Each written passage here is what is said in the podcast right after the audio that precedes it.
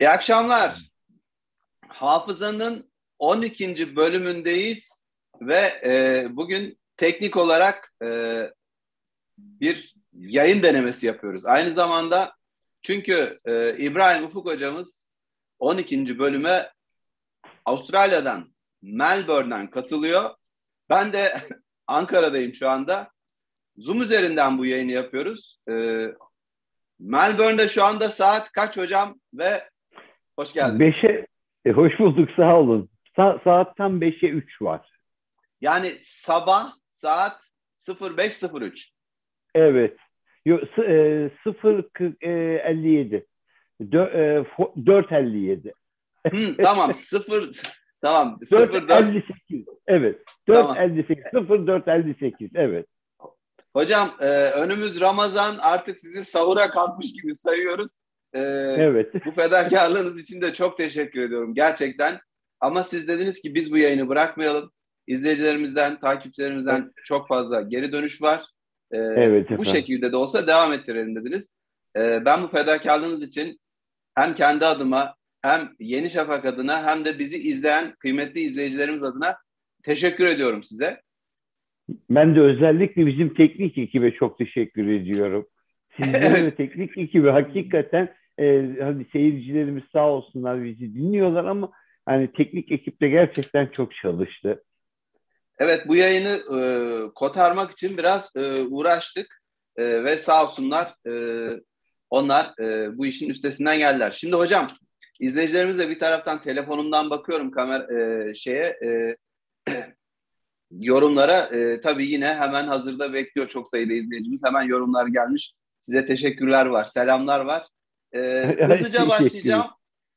E, çünkü çok sayıda başlık var önümüzde hocam. Konuşmamız gereken birçok mesele evet. var.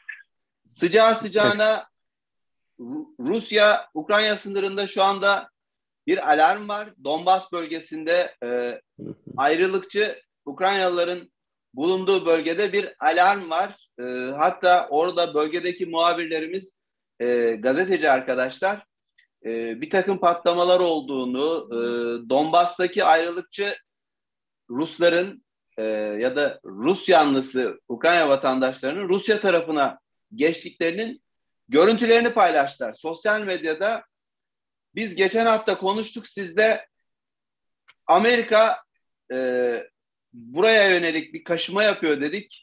Hafta içi Putin, Rusya yeniden müzakere, yeniden masaya oturma açıklamaları yaptılar ve e, evet savaş çıkmayacak herhalde ve masaya oturulacak diye düşündük. Çünkü Türkiye'nin de bu yönde girişimleri var. Sayın Cumhurbaşkanı'nın yeni açıklamaları var. Fakat şu anda orada bir alarm var. Hemen onunla başlamış olalım. Hem de sıcağı sıcağına bilgileri vermiş olalım izleyicilere. Evet. Ee, geçen hafta da aslında tam o konuya temas etmiştik ve demiştim ki olaylar Donbas'tan başladı ama şu anda Donbas seviyesini geçti. Bakın birdenbire olay e, bir haftalık o geçen süre içerisinde Putin'in açıklamalarıyla tam yumuşamaya başlamıştı hava. Birdenbire katalizör tekrar devreye girdi ve e, bu sefer Donbas yani o dedim ya hani ilk başta hiç ses çıkmıyor. Halbuki olay oradan başladı. Şimdi tekrar evet. olay Donbas. Yani karıştırılması en kolay olan bölgeye geldi. Diyorum ya size bakın e, bu karşımızdaki güçlerin olayın peşini bırakmamak için yapmayacakları hiçbir şey yok. Ve şu anda da aynı şeyler tekrar tekrar yaşanıyor biliyor musunuz? Tarihi izdüşüm olarak da böyle. Bakın hep ilk ilk şeyinden beri aslında son dört programdır benzer şeyleri tekrar ediyoruz ki dedik ki bunlar dışarıdadır, arkadadır, görünmezler ama Rusya'yı sürekli olarak bu belanın içerisine itiklerler. Ama Karadeniz'in özelliğinden dolayı dedik özellikle şu anda karışmamış tek denizdi. Biliyorsunuz Doğu Akdeniz'de de karşımıza kimler çıktı. Biz ilk başta Yunanistan dedik daha sonra birdenbire Yunanistan'da Arap Birliği, Mısır, Birleşik Arap Emirlikleri, İsrail herkes geldi. Daha sonra Avrupa Birliği karıştı. Daha sonra Amerika Birleşik Devletleri aynı olayın içerisine müdahil oldu. Ve, ve şimdi aynı şey Türkiye'nin kuzeyine ha bir arada bir de e, Ege Denizi'nde şey oldu. O biliyorsun Dede Ağaç'a kadar gelen o süreç var. Dede Ağaç'a her şeyin yığılması. Şimdi ise Karadeniz. Otomatik olarak. Bakın her yönüyle her yönüyle denizlerin hemen hemen hepsini hatırlarsanız zannediyorum 6. veya 7. hafızanın bölümünde e, sunmuş olduğumuz kitaplardan bir tanesi de buydu. O denizler, okyanusları anlatan bir kitabımız vardı. General evet hocam. Mavli. Evet. O kitabı, hocam bu arada o... madem kitap dediniz hemen e, izleyicilerimiz biz o listeyi yayınladık. Siz de ben de Instagram hesaplarımızdan yayınladık o kitapların tam listesini. Soranlar evet. çok vardı. Geri gelmişken hatırlatmış olayım. Evet, evet. Çok teşekkürler. İyi oldu hakikaten. Ben de yayınladım, evet. Ee, o, bu haftada zaten onun üzerine ekleyeceğimiz iki eserimiz daha var. Onları da hazır ettik. Ee, biraz sonra onları da sunacağım.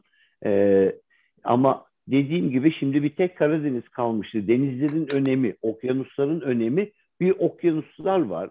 Pasifik, Atlantik, Hint okyanusu ve e, Arktik. Dört ayrı okyanus, ana okyanus sayılır genelde. Bir de e, bu büyük okyanusların yanı sıra ana denizler vardır. İşte Akdeniz, Karadeniz gibi. Bu ana denizlerin içerisine artık müdahaleye başladılar. Bakın en yakın bölge bundan sonraki Hazar Denizi Havzası'dır. Gelecek olunan diğer bölge biliyorsunuz Hazar da aynı zamanda bir iç denizdir. Evet. Hocam ondan önce şunu so- sormak istiyorum. Bir fotoğraf ortaya koyalım diye. Ee, bir Türkiye fotoğrafı çekelim aynı zamanda. Bu denizler etrafından. Üç tarafı denizlerle çevrili bir ülkeyiz. Ee, Akdeniz örneğini verdiniz. Ege'de bir takım çalışmalar var ve bir tek Karadeniz kalmıştı. Şimdi e, Karadeniz'e yönelik de bir Karadeniz savaşı çıkarmaya yönelik bütün dünyanın süper güçlerinin e, hamleleri var. Farkında mıyız? Türkiye'yi denizler üzerinden kuşatma girişimi diyebilir miyiz buna? O aslında hani e, e kör gözüne parmağın, parmağın misali oldu her şey. Gözümüzün içine baka baka yapıyorlar. Bakın hiç çekinmediler zaten. Dedim ya bakın kaç kaç programdır benzer şeyleri ifade ediyorum. Emperyalizm hiçbir zaman doymak bilmeyen bir tilki. Fox. Sürekli evet. olarak dedim açtır ve sürekli olarak dolaşır. Ee, Karadeniz'e çok uzun zaman giremediler. Girdikleri zaman da biliyorsunuz hep ortalığın karıştığı dönemler oldu. Şimdi Birinci Dünya Savaşı'nda bunlar Karadeniz'e, bu bütün olaylar yine Karadeniz çerçevesinde oldu. Çünkü Rusya'nın can damarı Karadeniz. Ve Karadeniz'e giden iki tane boğaz da bizim elimizde. Hatta evet. biliyorsunuz onun tartışmaları da var. Bir de üçüncü bir boğazı biz kendimiz yapay olarak hem dünyanın üçüncü boğazı olacak hem Türkiye'nin iki tane doğal boğazdan sonra üçüncü yapay boğazı olacak. Ona karşı çıkılıyor biliyorsunuz. Aynı mahvillerdir. Her şey aynı çerçevede dönüyor. Onların kendi kontrolünde olmadıkları hiçbir şeyi istemiyorlar. Bu boğaz yapılırsa Türkiye tarafından yapılacak ve Türkiye'nin kontrolünde olacak. Böyle bir şeyi asla istemez. Çünkü dünyadaki bütün boğazlar baştan beri sizlere ifade ettiğim aynı emperyal gücün elindedir. Onların hiçbirisinden taviz vermek istemiyorlar. Okyanus ticareti bugünkü hala daha devam eden dünya ticaretinin çok büyük ağırlıklı kısmını oluşturuyor. Türkiye bununla beraber o eski İpek yolunu karadan tekrar canlandırabilmek için Çin'le ve Avrupa ile özellikle İngiltere ile bir anlaşmaların içerisine girmişti. Şimdi onların hepsi etkisizleştirilmeye çalışılıyor tekrar. Okyanuslar ama bu arada iç denizler aynı şekilde ele alınmaya çalışılıyor. Hatırlarsanız bundan önce konuşmalarımızda hep şunu da ifade etmiştim ben Yavuz Sultan Selim döneminden bahsederken demiştim ki biz iki tane İpek yolunun ana güzergahı zaten bizim elimizdeydi. Yavuz Sultan Selim'le beraber demiştim iki diğer yani toplam dört tane geçiş noktası vardır Doğu Batı arasında. Bir tanesi demiştim kuzeyi Karadeniz'in kuzeyi, ikincisi Anadolu. Bakın ikisinin arasında Karadeniz kalıyor.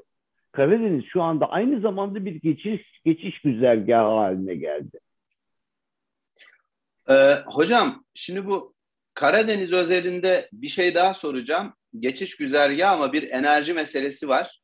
e, hatta çok sıcak bir açıklama da var.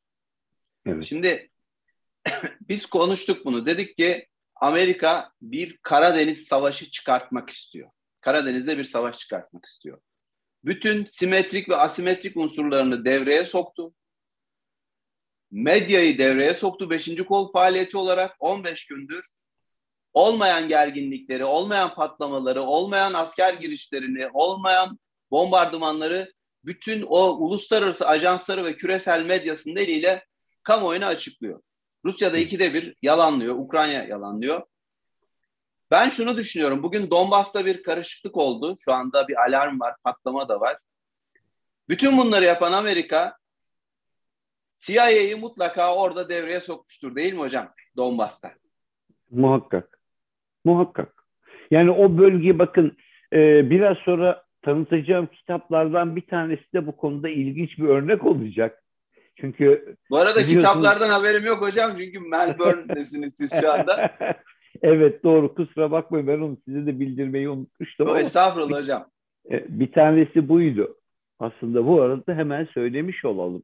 Bakın o benzer olayların hepsi Türkiye'de yaşandı. Yaşatan adamlardan bir tanesi aslında bu adam. Görmüş olduğunuz Graham Fuller bir zamanlar evet. Türkiye'de çeşitli medya organlarında çok fazla boy gösterdi. Yeni Türkiye Cumhuriyeti adıyla da bir kitap yazdı. Ve bu kitabın içerisinde şimdi ilginç bir şey vardır bu insan hakkında e, Graham Fuller'in kızının adı Ankara Fuller. Evet, evet. Yani kızın adını bile Ankara koydu. O yüzden ben bu kitabı özellikle tanıtırken benzer şeyler Türkiye'de oldu ise eğer hani çevremizde bazı insanlar düşünüyorlar ki ya işte hani Ukrayna'da mı? Evet efendim dünyanın her yerinde aynıdır. Fox'un e, tilkinin karakteri değişmez dedim ya. O bir tanesi oydu. Bu arada kitabımızda söylemiş olduk. E, Bu arada hani e, siz niye CIA'ya bağladınız? CIA'nin eski başkanı Graham. Evet, evet, evet, evet, evet, evet. Ve şu anda Türkiye tarafından da biliyor musunuz hakkında tutuk e, yakalanma kararı var bunun. Evet. yani, çünkü e, şey 15 Temmuz'da 15 bir Temmuz. zaten oradaydı evet. 15 e, Temmuz'dan 2-3 gün sonra başarılamayacağını anlayınca Türkiye'den ayrılan şahıs bu. Şimdi hocam e, Türkiye burada kritik bir ülke. Özellikle Zelenski yani benim aldığım bilgi şu Erdoğan'ı Erdoğan'a yapışmış durumda. Tamam Amerika tarafından e, tahrik ediliyorlar, kullanılıyorlar. Bu doğru ama Türkiye'yi şey olarak görüyorlar. Emniyet subabı olarak görüyor Zelenski. Çünkü dünyada Putin'le bu kadar samimi, bu kadar sık, bu kadar stratejik pozisyonda görüşen tek lider var. O da Cumhurbaşkanı Recep Tayyip Erdoğan. Evet.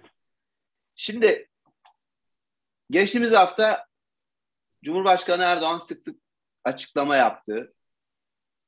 Arada Sarkozy şey Sarkozy diyorum nereden aklıma geldi özür diliyorum. Macron Hı. gitti o masa kuruldu.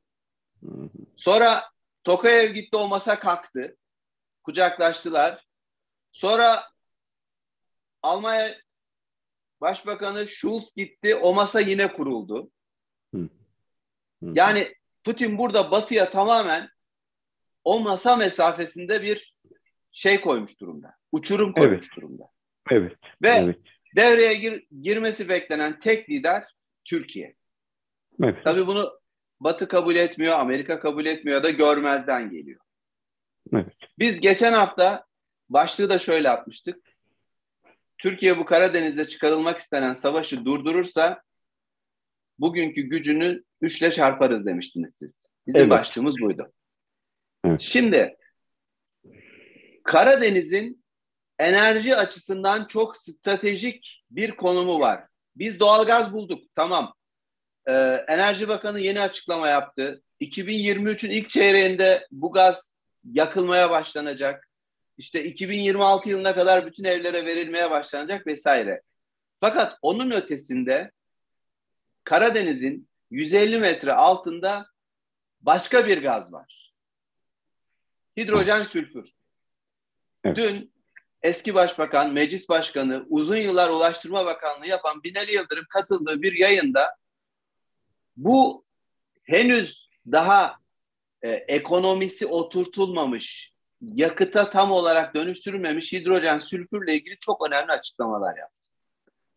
Dedi ki bizim sınırlarımızda da gerek Romanya gerek Ukrayna gerek Rusya sınırlarında da bütün dünyanın yüzde 45'ine yetecek uzun yıllar yetecek hidrojen sülfür var ve çok değil 150 metre altında. Bu 150 metre niye önemli hocam?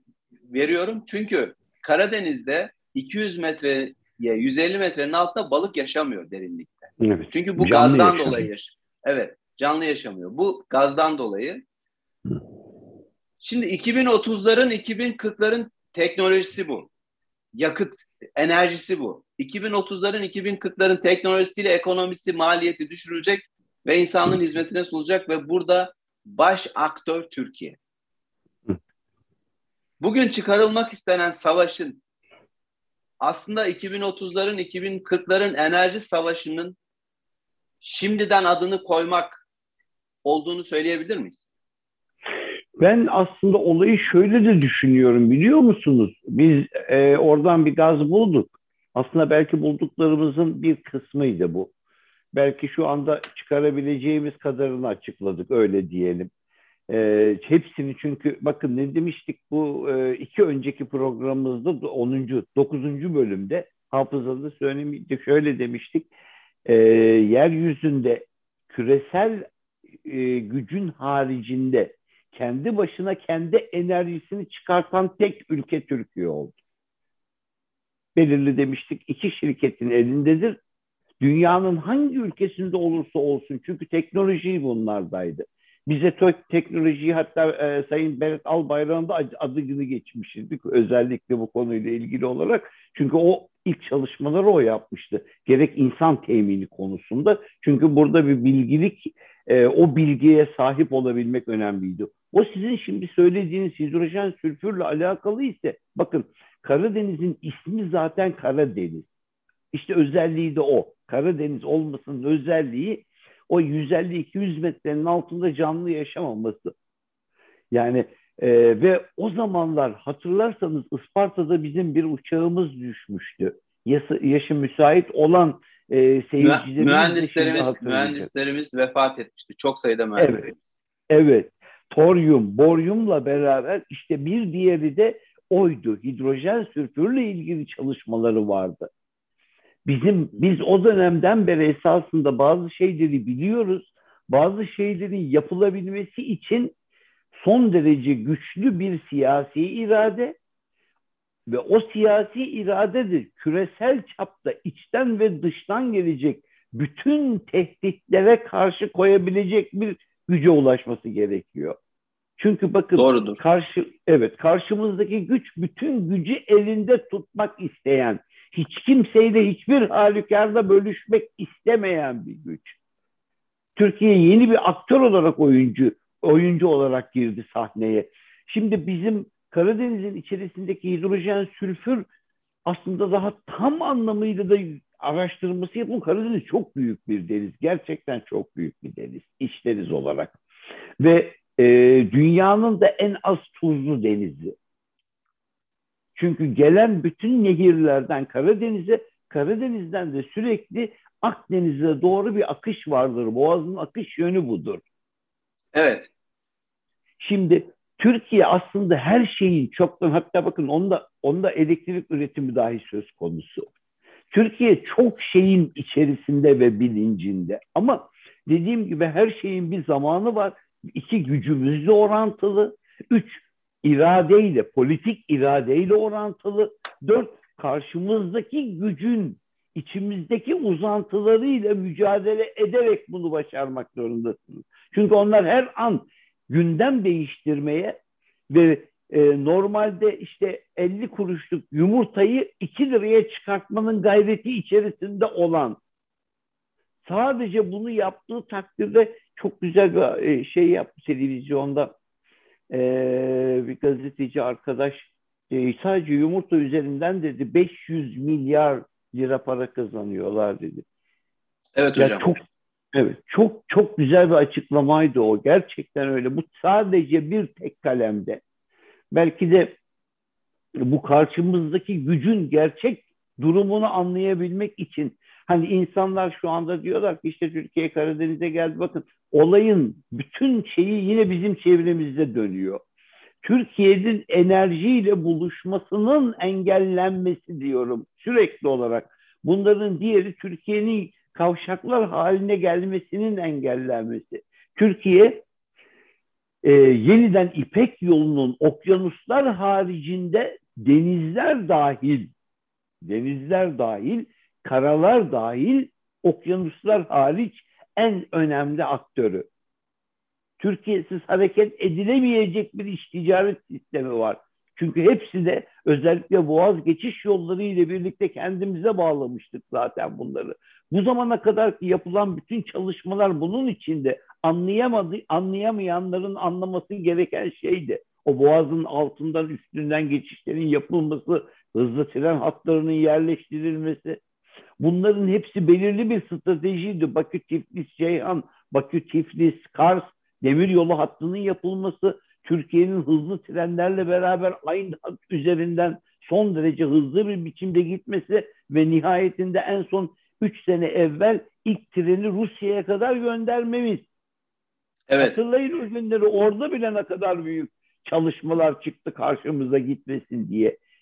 Yani bir gücü bizim bir şeyi çok çok kolaylıkla algılayabilmemiz lazım. Bizi yurt içerisinde çok basit şeylerle kendi oluşturdukları gündemin ve hayat, hayat pahalılığının içerisine mahkum etmek isteyen güç aynı zamanda Karadeniz'i bizim elimizden almaya çalışan güçtür. Tıpkı Doğu Akdeniz gibi. O güç ee, bütün denizlerde aynı şeyi yapıyor. Henüz Türkiye'nin Karadeniz'de ne işi var açıklaması gelmedi bu arada hocam. Evet. Bakın bir şaşkaloz grubu var Türkiye'nin. Yakın doğuda gelirse vallahi hiç şaşmam. Hani Ege'de 12 milyon ne işimiz var diyen bir ana muhalefet liderinin sözcüsü, yardımcısı, dış politika uzmanı varsa Türkiye 6 milli idare etsin diyeceğim diyebilecek kadar şaşkaloz birileri varsa aynı şeyler yakında Karadeniz içinde gelebilir. Bakın bir sonraki aşağı aşaması ne dedim? Hazar Denizi'ne yaklaşıyorlar. Evet. Çünkü e, gelen o, o dediğim size kara içerisindeki denizler bunlar. Karadaki İpek yollarında aynı zamanda deniz bağlantıları, ana deniz bağlantıları var. Üç tane ana deniz vardır yeryüzünde. Bir tanesi Hazar, diğeri Karadeniz, üçüncüsü Akdeniz. Bunlar ana de, ana denizlerdir, okyanusların haricinde. Bu üç denizin içerisinde de tek tek gel- gelmeye başladılar. O yüzden biz Türkiye Türk Devletler Teşkilatı'nı kurduğumuzda hep yaptığımız uyarı aynı şeydi. Bölge karışırken Kazakistan'da oynanan oyun da bugünkü oyunun bir parçasıdır. Halledilememiş olanlar yani her yüzyılın ilk çeyreğinde bitirilmesi gereken coğrafi çizimlerin ve bütün siyasi güçlerin ele geçirilme mücadelesi. Ve buna karşı yeryüzünde direnen kim var? Ortaya çıkıyor şu anda.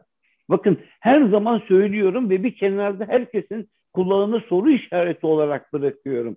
Hindistan ve Çin'in tavırlarına bakın. Yoklar dünyada. Tıpkı her zamanki gibi. Tıpkı dünyada en ciddi olayları ilgilendiren hiçbir şeyde olmadıkları gibi. Yine yoklar. Dünya nüfusunun arada, yarısını oluşturan iki ülke. Evet. Hocam bu arada Hindistan dediniz. Şu günlerde çok fazla gündem.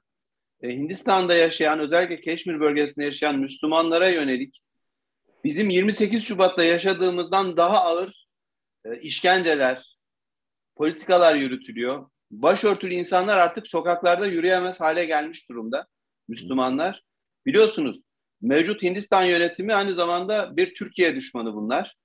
Ee, Erdoğan düşmanılar. Ee, Hindistan medyasında hemen her gün Türkiye aleyhinde ve Erdoğan aleyhinde mutlaka haberler yer alır. Ee, evet. Bunu da biraz konuşmamız lazım. Hindistan'ın şu anki durumu vesaire. Evet. e, e, aslında bunun içinde dediğim gibi Hint, Hint ırkının özelliklerine bakmamız lazım. Ve hatırlarsanız hafızanın sanıyorum 7. bölümüydü. Bu konuya temas ettik ve dedim ki hani millet Indira Gandhi, Gandhi Kemal falan yaptılar bir ara Türkiye'de ve ben dedim ki size bu Gandhi denilen adam aslında hani hem de Hindistan'ın kurucusu. Ama bu adam aslında baştan ayağı bir Anglo-Sakson casusudur dedim. Adam 16 yaşında Hindistan'dan alındı, Londra'ya götürüldü, hukuk eğitimi verildi ama bir siyah adamın, bir Hintlinin kalkıp da Londra'da hukukçuluk yapacak hali yoktu. Aldılar bunu, kölelerin bulunduğu Güney Afrika Cumhuriyeti'nde Hollanda'nın Orange Devleti'ne karşı hatırlarsınız Boer Savaşı'ndan bahsetmiştim 1900 1901 1902. O tam o tarihlerde Boer Savaşı'nın yapıldığı dönemlerde işte Gandhi o zamanlar burada hukuk bürosu açıp avukatlık yapıyordu.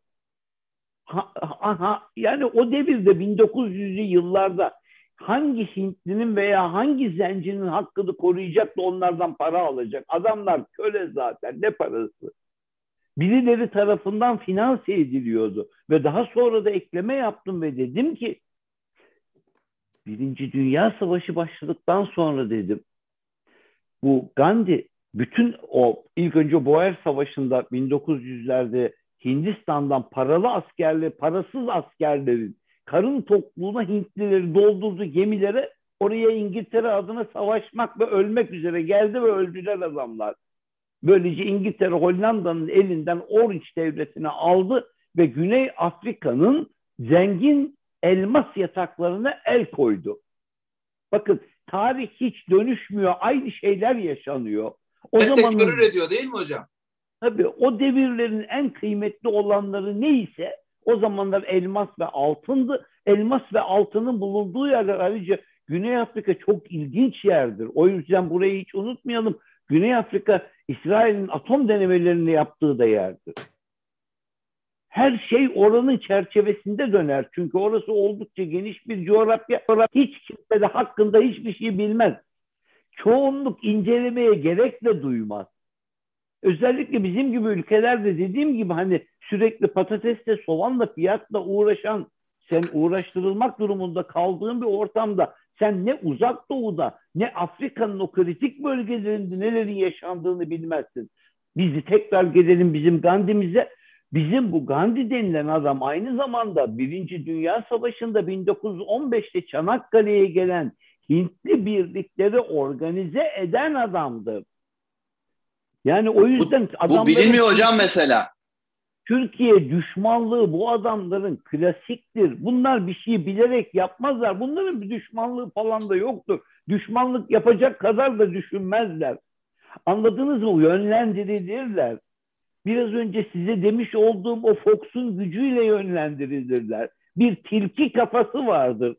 Her işin içerisinde dolaşan, aynı anda 3-5 deliğe birden gidip çıkan, hepsini tek tek kontrol eden, her gün hiç istisnasız bütün deliklerini kontrol eden bir şey. Bu Hindistan'ın bir ucundan girip diğer ucundan çıkıyor. Bakın ben bir programda yine hafızanın bir diğer bölümünde Çin ve Hindistan'dan bahsederken şöyle bir şey söylemiştim. Bu iki devlet demiştim. Bir tanesi köle, diğeri ırgat devlet haline getirildi. Çin ırgat devlet haline getirildi. Hindistan köle devlet haline getirildi. Hindistan kast sistemi olduğundan zaten köleliğe son derece uygun bir yapıda.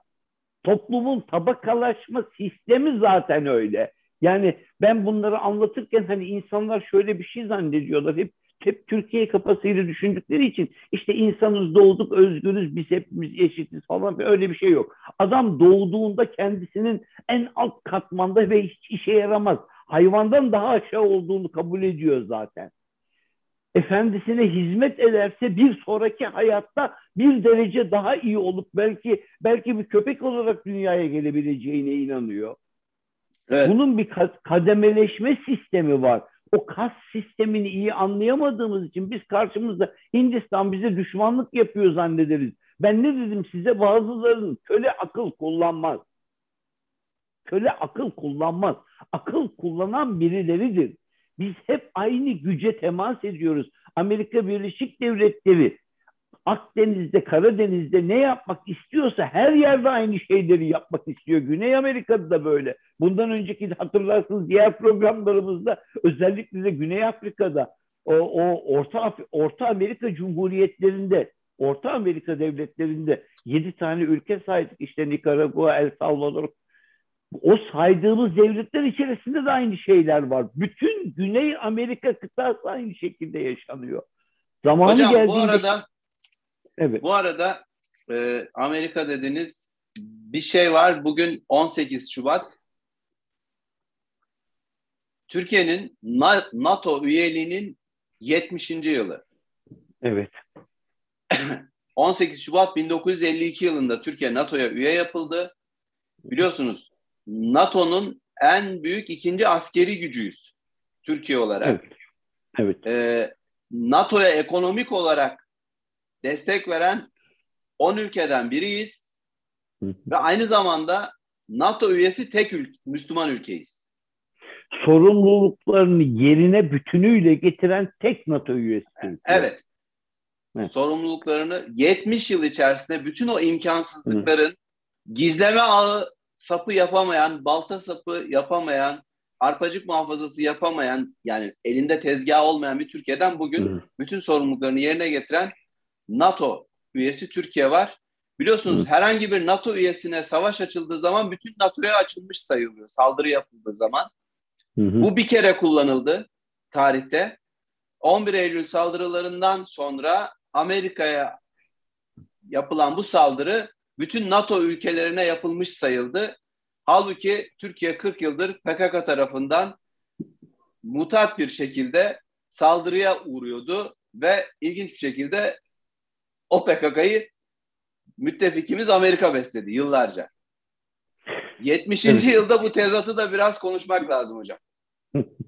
Şimdi e, aslında dediğim gibi bu e, Sovyetler Birliği'ni ve Stalin'i çok iyi bilmemiz lazımdı. Bundan önceki bölümlerde yine de ondan bahsetmiştim. Ee, özellikle de e, Türk Devletleri Teşkilatı ile alakalı olarak e, bahsettiğimiz bölümlerde bunu özellikle vurguladım. O zaman Stalin'in yapmış olduğu ve Türkiye'den boğazları isteyen, e, Doğu'nun derhal kendisine terk edilmesini isteyen deli bir Rus arkadaki Rus ayı, e, davranışı ama Sovyetler Birliği adı altında yapılan bir e, istekti o. Sovyetler Birliği adı altında şimdi bakın Sovyetler Birliği dağıldı. Fakat biz de alelacele o zaman NATO'ya girmiştik. NATO'ya aslında organize ve hazırlıklı değildik.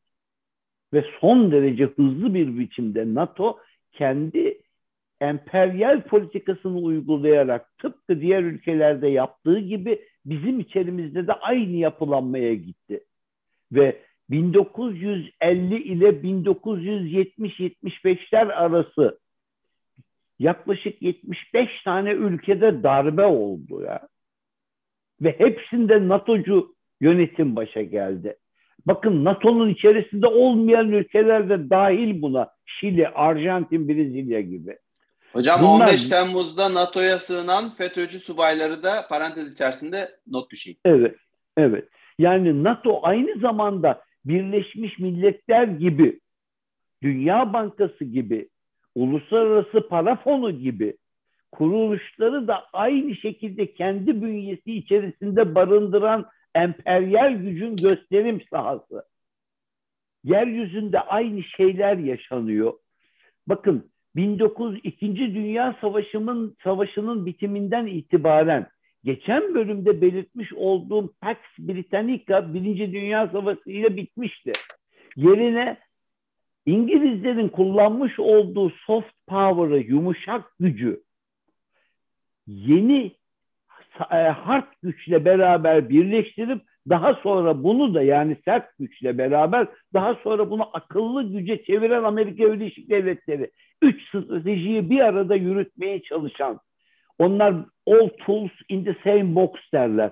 Bütün bütün e, parçaları, bütün cihazları aynı kutunun içerisinde topluyor. Gerekli olanını istediği zaman çıkartıp kullanmak üzere. Bu emperyal güç aynı şekilde NATO'nun içerisindeyken biz girdikten sonra da Türkiye'nin düzenlenme işini hallettiler. Ama Türkiye'nin direndiği noktalar vardı ve o direnç noktalarının kırılması lazımdı. Bunlardan bir tanesi var olan yapıydı. Yapı toplumun sosyolojik yapısıdır. So toplumun sosyolojik yapısının değiştirilmesi için eğitime el attılar. Ve İnönü döneminde hatırlarsanız dört Amerikalı, dört de Türk'ün üye olduğu Milli Eğitim Şurası yapılarak önce tıpkı bizde olduğu gibi ama başka ülkelerde de aynı şey yapıldı. Eğitim ele geçirildi ve yumuşak güç dediğimiz o gücün e, ikna ve cezbetme kabiliyetiyle yeni nesiller cezbedildi. Ve herkes şiddetine rağmen, katilliğine, cinayetlerine rağmen San Francisco sokaklarını ezberledi. Los Angeles'ta yaşamış gibi yaşadı. Thomas Texas'ta Ontario gölünün kıyılarını bildi. Anlayacağınız bize öğreten, öğretilen sistemin içerisinde bu yumuşak güç dediğimiz kavramın her birisini Hollywood filmlerinde zaten gördük. Bizim NATO ile olan üyeliğimizi bakın ta nerelerden nerelere getirdim. Bizim NATO ile üyeliğimiz de böyle bir şey. Bu karşımızdaki önce kültürel yapıyı, inanç sistemini, bu çok önemlidir. Devletin ve milletin kültürü ya inancından ileriye gelir. Hangi hangi ülkeye bakarsanız bakın inandığı sistem onun kültürünü oluşturmuştur. Bizim bin yıllık imparatorlukları kurmuş olduğumuz kültür ve onun beslenmiş olduğu inanç sistemi herkese malumu. Bunun bir yerlerden boşaltılması lazımdı. Ve Hocam bu, bu arada boş... izleyicilerimizden üst üste geldi. O yüzden hemen sıcağı sıcağına size yönelteyim. Diyorlar ki Türkiye NATO'dan ayrılsa ne olur? Türkiye NATO'dan ayrılsa ya şu anda değil biliyor musunuz? Neden biliyor musunuz? Onlarda böyle bir şey yokken biz de böyle bir şeyi hiç bahsetmeyelim. Herkes her şeyin farkında. Onlar da aynı oyunu oynuyor, biz de aynı oyunu oynuyoruz. Biraz daha zorunda kalırlarsa hiç merak etmeyin. Şu hava üstünlüğünden dolayı bizden bazı isteklerde bulunacaklar. Şu anda yazıyorum buraya, çiziyorum ve koyuyorum. Diyorum ki eğer Selçuk Bayraktar ve yapmış oldukları yakında bir başka biçimde o bütün umutları seçim. Seçimle beraber her şeyin alaşağı edilmesi planlanıyor. Seçimle beraber Türkiye'nin yapılan bütün savunma sanayisi ama özellikle Selçuk Bayraktarı denilen şahsın öncülük ettiği Türkiye'nin bir dahinin elinde uçurulma projesinin engellenmesi. Esas amaç budur. Şayet bu geçerli olamadığı takdirde bu iş seçimde e, eğer sonuç yine e, Zafer Şahin'in deyimiyle siz diyor hangi geçecek de geçecek gidecek de gidecek deseniz de diyor sonuç diyor Domburay'la ol bitecek gibi görünüyor diyor. Eğer Hocam öyle, Zafer, Zafer Şahin'e de selam yollayalım buradan. Selam, selamlar olsun. Nefis bir benzetmeyi çok hoşuma gittiği için bugün o şimdi aklıma geldi. E, sonuç yine Domburay'la bitecek diyor. E, aynı yine ha, özellikle e, Dombra'yla e, Dombra'yı dinlemek zorunda kalırsınız diyor. Siz diyor gidecek gidecek dinlerken diyor. Hocam o zaman hemen iç politikaya gelmiş olalım. Madem öyle. Dombra dediniz, geçecek dediniz. Ee, altılı masa kuruldu. Türkiye'de muhalefet bir yuvarlak masa etrafında bir araya geldi. Tek bir amaçları var. Recep Tayyip Erdoğan'a karşı siyasi zafer kazanmak. Ve ilginç bir şekilde 28 Şubat mutabakatı dediler bunun adına. Bildirilerinde 28 Şubat'ta açıklayacaklar. Herkes şaşkın. Benim bugün e, Ankara'dayım. Birçok kişiyle konuştum bu konuyu. Bu partilerde bir şekilde görev yapan, bağlantılı olan isimlerle de konuştum. Kimse bir anlam veremiyor.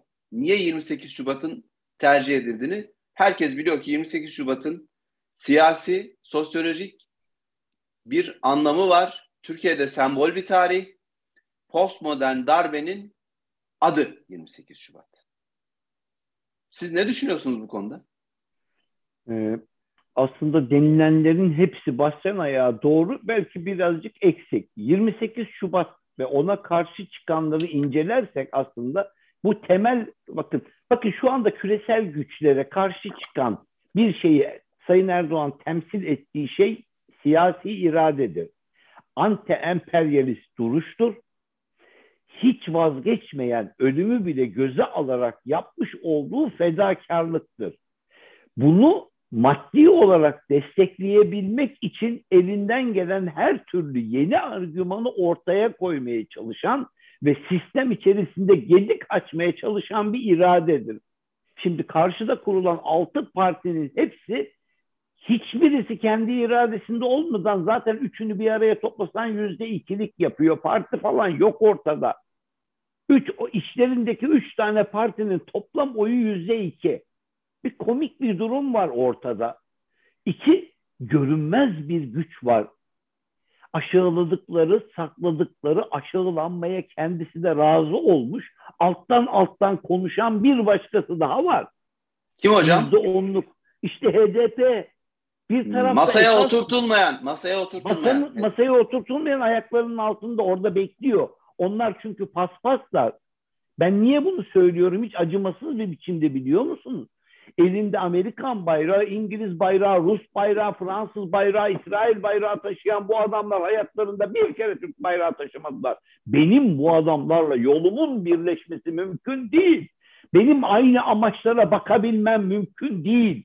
Elinde bir kere olsun benim bayrağımı tutmayan, hani her reisin her gittiği toplantıda yerlere koyulan o küçük bayrakları alıp kaldırması gibi bir şeydir. O bayrakları ben alıp kaldırırım. Onlar bütün yabancıların bayraklarını ellerinde taşıdılar. Türkiye'de şehirlerin içerisinde çukurlar açıp eylem yapmaya kalkanlardı bunlar. Askeri polisi öldürüp adına Barış Partisi koyan adamlardı bunlar. Ve bu adamlar masanın altında altı kişi, altı parti bir araya gelmiş. Üç tanesinin toplam oyu yüzde iki, Üçü açık, çok açık kendi taraftarlarına, kendi liderlerine bağlı bulundukları gruba ihanet edip onunla övünen çok ilginç ya yapıya bakın ya yapıya bakın. İşlerinde altı kişilik grup var. Bir tanesinin kendisi de tanımıyor kim olduğunu. Var yok en çok ona değil. yaradı hocam. En çok ona yaradı. en çok ona yaradı. Onun sayesinde Hocam şimdi bu arada manşeti de verdiniz galiba. Ben hemen not aldım. Masanın altında eline Türk bayrağını alamayan HDP var. Cümle evet. bu şekilde çıktı. Evet. Şimdi siz e, şimdi izleyiciler de diyor ki bu ittifakın tek bir gayesi var. İşte Türkiye'yi bu yoldan çıkarmak. Mevcut yürüdüğü yoldan çıkarmak. Ersin Bey Türkiye'yi çok kolay çıkarabileceklerine inanıyorlar. Karşılarında duran şahıs indirildiği takdirde bakın e, sürüyü e, liderler götürür. Kurtların en başında gidene eğer hallederseniz kurt sürüsü darmadağın olur.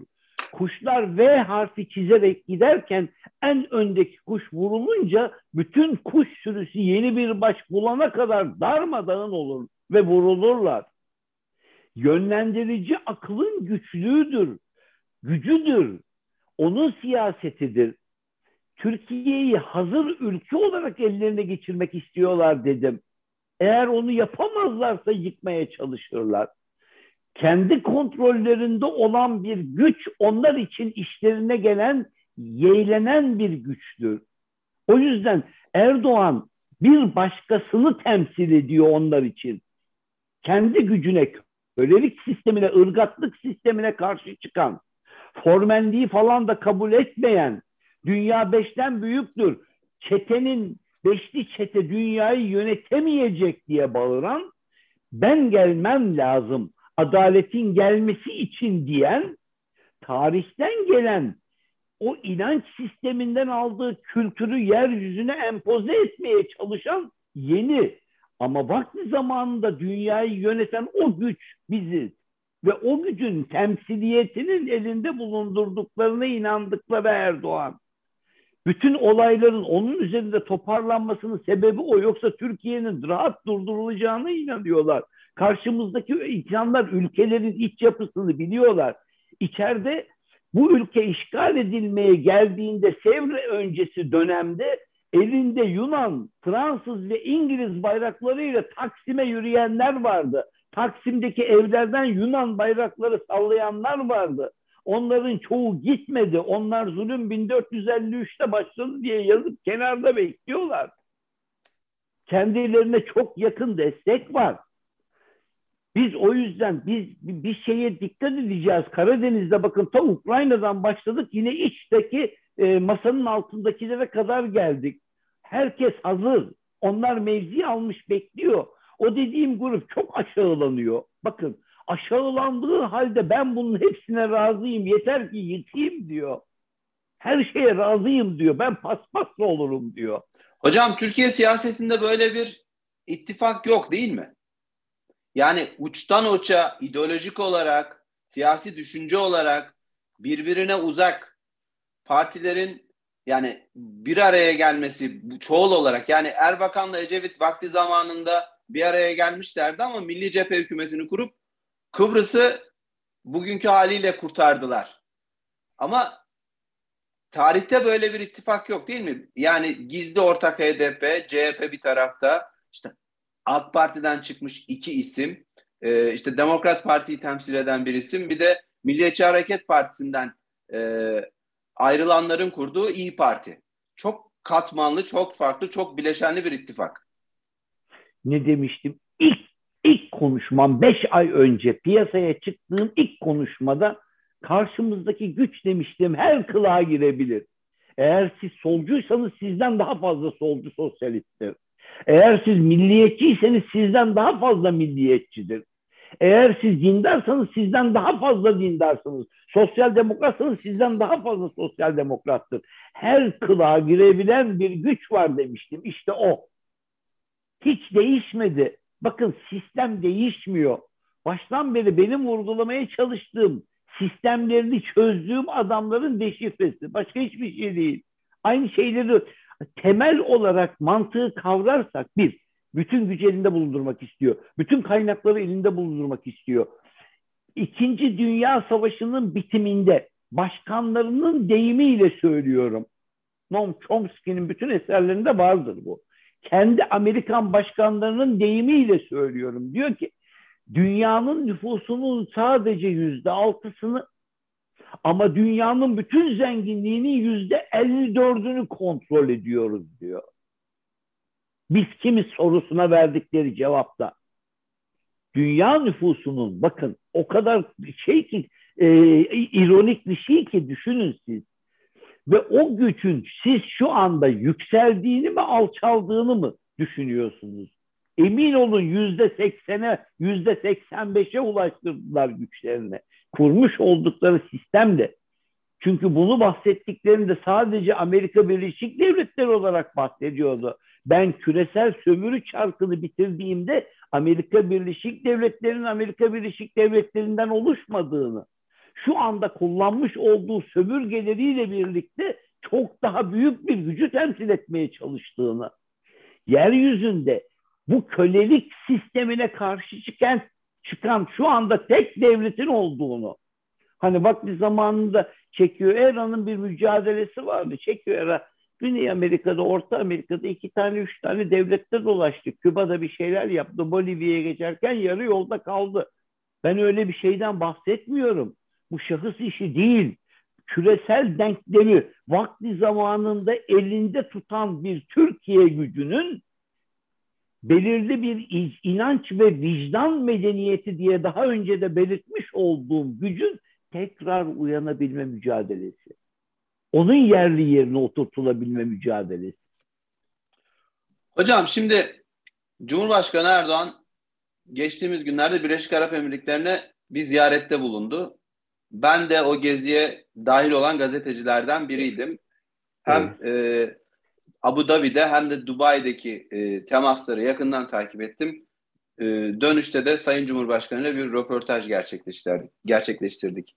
Şimdi 9 yılın ardından Türkiye biliyorsunuz geçtiğimiz e, Kasım ya da Aralık ayıydı Birleşik Arap Emirlikleri e, Prensi Türkiye'ye geldi ve ilk temas sağlandı. Bu da aslında iadeyi ziyaretti ve 9 yılın ardından dondurulmuş bütün ilişkiler yeniden normale döndü. Hatta biraz çok hızlı döndü. Çok böyle e, herkes şaşırdı. Şimdi bu işin ekonomik boyutu var çok ciddi anlamda. Çünkü Birleşik Arap Emirlikleri Türkiye ile ilgili e, çok büyük yatırım projeleri var. Fakat Akdeniz konusu ben daha fazla önemsiyorum. Çünkü Birleşik Arap Emirlikleri'nin Akdeniz'de çok eli kolu uzun.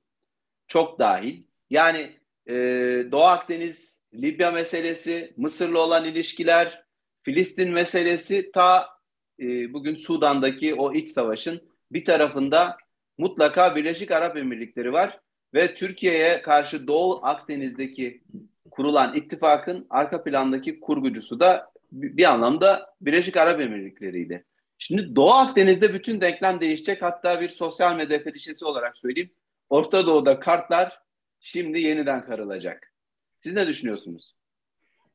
Şimdi e, yine ilk ilk konuşmamda bir şeyden belirtmiştim. Karşınızda böyle bir devlet var mı? Böyle bir devlet yok demiştim adını söyleyerek.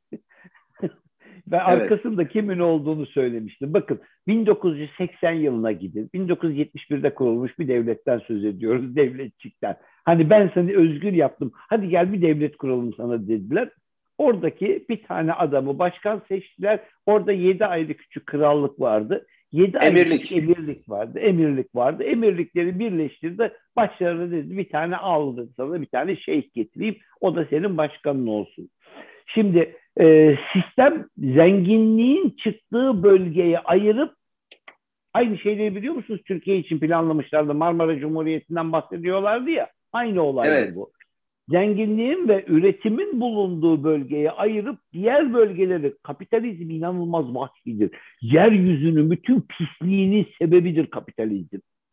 Yeryüzündeki bütün düzensizliklerin, ahlaksızlıkların, sistem bozukluklarının, aç insanların, Afrika'daki ölümlerin, insanların susuzluğa erişimindeki güçlüklerin ana sebebidir kapitalizm, emperyalizm. Bu adamlar acımasız dediğim o. Birleşik Arap Emirlikleri özeline geldiğimizde 1980'de bir hiçti. Çölün ortasında hiçbir şeye olmayan aniden birdenbire 30 katlı, 40 katlı daha sonra 50 katlı, 60'ar katlı binalar getirdiler en ufak bir elektrik kesintisinde kıpırdayamayacak hale gelebilecek bir ülke. Hiçbir özelliği yok. Var olan şu anda sadece ve sadece çıkarılmış olan petrolün yüzde üçüyle beşi arasında aldığı parayla ortada dolaşan. Çünkü bakın öyle bilinçli bir çalışma var ki bu devletlerde. Bakın bu, bu devletlerin nüfusu çok az. Kendi orijinal vatandaş nüfusu çok az. Hocam yüzde on. Evet. Çalışan işçi Evet. Çalışan işçi oranıdır. Onlar da kimdir? Diğer Müslüman ve putperest ülkelerden, Hindistan'dan, Filipinler'den, Malezya'dan, e, şeyden, e, Pakistan'dan, Pakistan'dan ve Bangladeş'ten getirilen işçiler özellikle. Bakın bu insanlar zaten çoğunluğu kölelik sisteminin içerisinde acı çekmiş, çoğunluğu kabullenmiş insanlar. Ve bunlar çok az ücretle çalışıyorlar. Oranın yerlisi hiç çalışmıyor. Ama bütün zenginlik, bütün zenginlik o küçücük grubun içerisinde paylaştırılmış.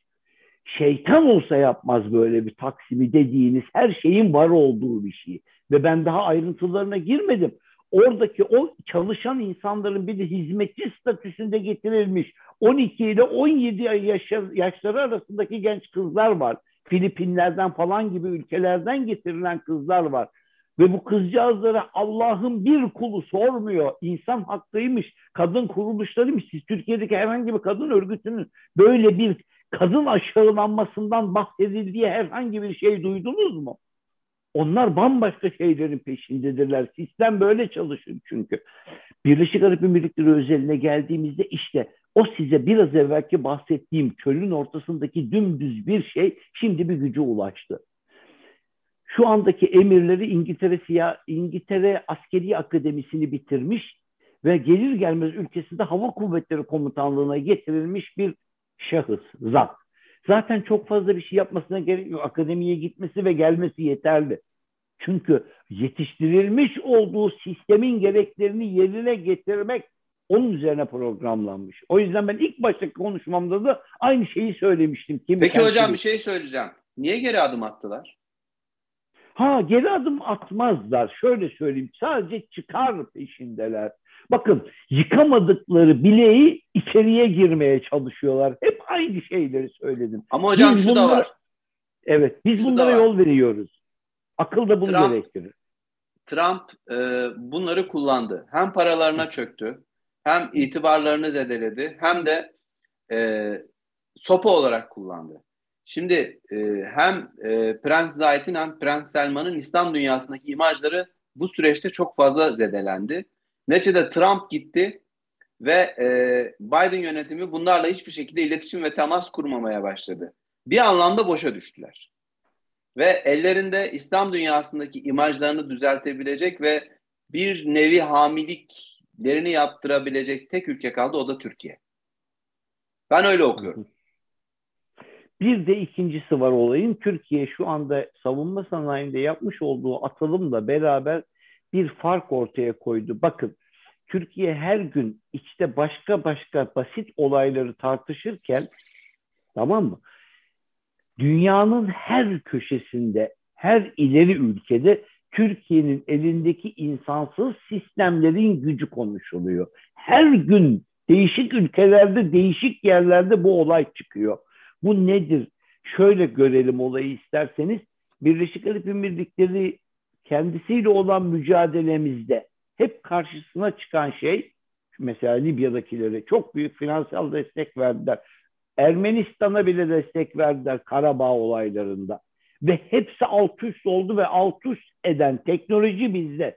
Bu teknolojiyi efendileri kendileri gelip isteyemiyorlar Türkiye'den gururlarına yediremiyorlar. Ayak takımı vasıtasıyla ele geçirmeye çalışıyorlar o teknolojinin eskiden içeride çok kolay adamları vardı FETÖ grubu. Onlardan alıyorlardı bilgileri. O grubun bağı kesilince tamam mı? O, o grubun bağı kesilince ancak ancak içeride kalan DHKPC kırıntılarına kaldılar. Onların da faaliyet alanları çok dar. Yoksa Nüfuz onların, edemiyorlar. Evet yani ama o yüzden tepelerden adam arıyorlar. Dikkat ederseniz hep söylüyorum o. Bir tane parti kurucusu diyorum size. 400 dolara adam bilgi satıyor. Bu arada hocam e, dün Yeni Şafak gazetesinde e, çok detaylı bir haber yayınlandı. Kod adına kadar, verdiği bilgilere kadar hem Emniyet İstihbaratın, hem Milli İstihbarat Teşkilatı'nın, hem de Jandarma İstihbaratı'nın çok yönlü çalışmaları var e, zaten dikkat ediyorsanız partisi artık hiçbir şekilde onu savunmuyor, gündeme getirmiyor. Bir resmen e, yabancı istihbarat servislerine Türkiye'ye dair mahrem bilgileri yani açık kaynaklardan elde edilemeyecek bilgileri satan bir şahıs olarak şu anda tutuklu, yargılanıyor. Evet. Ve bir siyasi partinin çok önemli bir ismiydi. Yani Ali evet, Babacan'ın yürü. kurduğu partinin en Tabii. önemli kurmaylarından kurucu biri. Ortağı. Kurucu evet, ortağı. Kurucu. Ve evet. ciddi bir milli güvenlik sorunu değil mi hocam bu aynı zamanda? Ya bakın diyorum ki yani bak eğer böyle bir çalışma e, birazcık eksik bilgiyle olsaydı siz Kemal Karabulut'un şey pardon Kılıçdaroğlu'nun neler söyleyeceğini düşünün bir. Anladın mı? Elinizde kaza rıza tutabilecek bir tek dalı olsaydı ölümünü önlerine atlamaz mıydı? Ersin Bey, şey e, hani hep diyorlar ya eskiden siz de FETÖ'cülere destek verdiniz falan filan diye iktidara. FETÖ'cülere herkes destek verdi diyor. Ama FETÖ'cülerin hain olduğu ortaya çıktıktan sonra destek verenlere bakın. 17-25 Aralık sürecinden Tabii, sonra medya evet. organlarının önüne gidip nöbet tutan, açıklamalar yapan e, isimler CHP'lilerdi. Çok net hatta, bir şekilde. Hatta bir önceyi alalım. MİT tırları var ya MİT tırları her şeyin o o gün bakın MİT tırları olayını ben ilk duyduğumda televizyonda onu ilk gördüm aman Allah'ım aman Allah'ım bu bir dehşet dedim. Birisi dedim benim ülkemin içinde benim askerimle, benim polisimle, benim savcımla benim devletime operasyon çekiyor. Adam bana diyor ki sen bir hiçsin. Ben senin damarlarının içindeyim, akan kanının içindeyim ve seni mahvetmeye tek isteğim yeterli diyor. Mücadeleye bakın ve ben dedim ki yarın dedim bunu kimler savunursa, kim veya kimler savunursa hiç söylemeye gerek yok. Hainler topluluğudur dedim. Kendi ülkenin içerisinde kendi istihbarat teşkilatına saldırılıyorsa ve ilk önce FETÖ'cüler peşinden bütün o zamanki ve şimdi ortaya çıkan o DHKPC destekli sol gruplar çıktı. Hepsi birden bu olayı sahiplendiler. Neden? Amaç Türkiye'nin yıkılmasıydı. O yüzden bu adamların hepsi devlet yönetiminin içerisinde acziyet mi? Ne dedim size? Ya Allah aşkına bu adamlar her kılığa girebilirler. Her kılığa.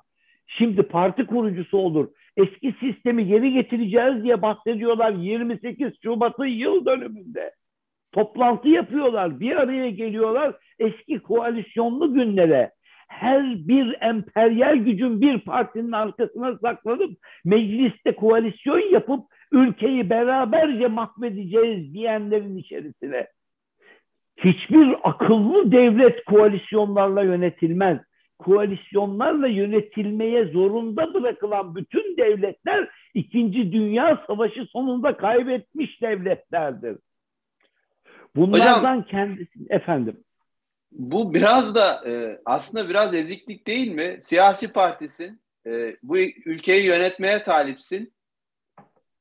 Fakat yüzde biri yanına alman gerekiyor. 0.5 e, hesabı yapman gerekiyor. Çok garip bir denklem değil mi bu? Ya e, valla yaptıklarının var ya yüzde birini şu anda Bahçeli veya Erdoğan yapsa bütün küresel düzeyde bütün medya basın yayın organları dahil ortaya çıkarlar. Bakın bakın bunlar ne yapıyor diye ve yedirirler biliyor musunuz? Sosyal medyanın içerisinde basit şeylerle inanılmaz şekilde bir propaganda yapıyorlar. Türkiye'deki her yüz haberin 50'si yanlıştır, yalan haberdir. Bunu biliyorlar, açıklıyorlar ve her gün aynısını yapmaya devam ediyorlar. O yüzde elli azınlık doğru dediklerinin içerisinde de bir de şaşırılmışlar var. O yalan haberlerin arasında bir de şaşmış aslında olayı anlatıyor ama anlattığı olayı hala onların bakış açılarından anlatanlar var. Ve halk Neden? onun da farkında değil. O yüzden o bahsetmiş olduğumuz Naum Chomsky'nin kitaplarının bir tanesi Rıza'nın çok evet. güzel de o Rıza'nın imalatı. Bu olayları deşifre ediyor. Hocam e, sabah saat artık e, 06'ya yaklaştı Melbourne'de. Siz uykunuzdan feragat ettiniz. Bu yayını yapıyoruz. Ee, söz kitaplara gelmişken kütüphanenizdeki ayırdığınız o iki kitabı, seçtiğiniz evet. iki kitabı tanıtın. Programda bu şekilde noktalamış olalım. İşte birincisi Yeni Türkiye Cumhuriyeti Graham Fuller'in. Graham Fuller dediğim gibi bu e, vakti zamanında çok şirin görünen, e, ilginç bir Türkçe konuşan, e, e, CIA başkanlığı yapmış. Zaten bakın Amerika'nın, İngiltere'nin, Fransa'nın baş, istihbarat başkanlarının hepsi Türkiye'de büyükelçilik yapmış adamlardır. Türkiye niye kendini bu kadar önemsiyor diye içeride konuşan zavallılar var. O kadar söyleyeyim yeter. İki. İkinci bir kitabımız daha var esasında. Ee, bu da Gabor Agosto'nun Osmanlı'da Strateji ve Askeri Güç diye bir eserimiz daha var. Bu ilginç ve güzel bir kitap. Hakikaten Osmanlı'nın bakın ilginç bölümlerini izliyor. Strateji ve askeri güç. Osmanlı'nın sanatını inceleyen çoktur. Tarihini anlatan çoktur. Ama strateji ve askeri güç kavramları içerisinde bunların yapılanmasını inceleyip bunları kendisini e, bir kitap olarak, eser olarak ortaya çıkartan ve ben de bence bizim bilmemiz gereken şeyleri inceleyen Bizimkilerin de belki kulaklarında küpe olur inceleyecek konu arayanlar açısından diyorum. Çünkü strateji Türk devletlerinin en önemli özelliklerinden biriydi. Kaybetmememiz lazım geldiği için vurguluyorum. Hocam e, ben son kitabı çok daha fazla önemsedim. Çünkü bizim evet. geriye dönük okuma yapmamız gerekiyor. Bugünleri anlamlandırmak için. Hatta evet. gele, geleceği de öngörmek için. Yakın Ama tarih Ersin okuması... Bey, Ersin Bey zaten hafıza dedik ya hani. Evet. Evet hocam. Adı evet. üstünde hafıza. Evet. Hafızanın evet. da e, şimdilik 20 kitaplık bir e, seçkisi var. E, ama biz onu sizin e, emeklerinizle birbirimize tavsiye ederek e, büyüteceğiz. Hocam çok teşekkür ediyorum. Ama izleyicilerimize de çok de çok, te- çok teşekkür edelim. Biz stüdyoda yayın yapıyormuşçasına ilgi gösterdiler. Çok izlediler. Sorular geldi. Bir kısmını yönelttim size aralarından seçerek. Tabii stüdyoda olmayınca biraz teknik olarak zorlandık ama neticede evet. e, üstesinden geldik. Eğer e, biz Türkçe lisan ettiysek e, çünkü iletişim biraz e, sıkıntılı anlık evet. değil. E, evet. Peşinden özür dilemiş olalım ama ben size gerçekten çok teşekkür ediyorum. Ben de çok teşekkür ediyorum. Bizi dinleyenlere, teknik ekibimize ve sizlere çok teşekkür ediyorum. Şimdi arkadaşlar yayını kapatacaklar hocam. İzleyicilerimize Allah'a ısmarladık diyelim. Haftaya yine siz Melbourne'den, ben İstanbul'dan evet. 13. bölümü yapmış olacağız.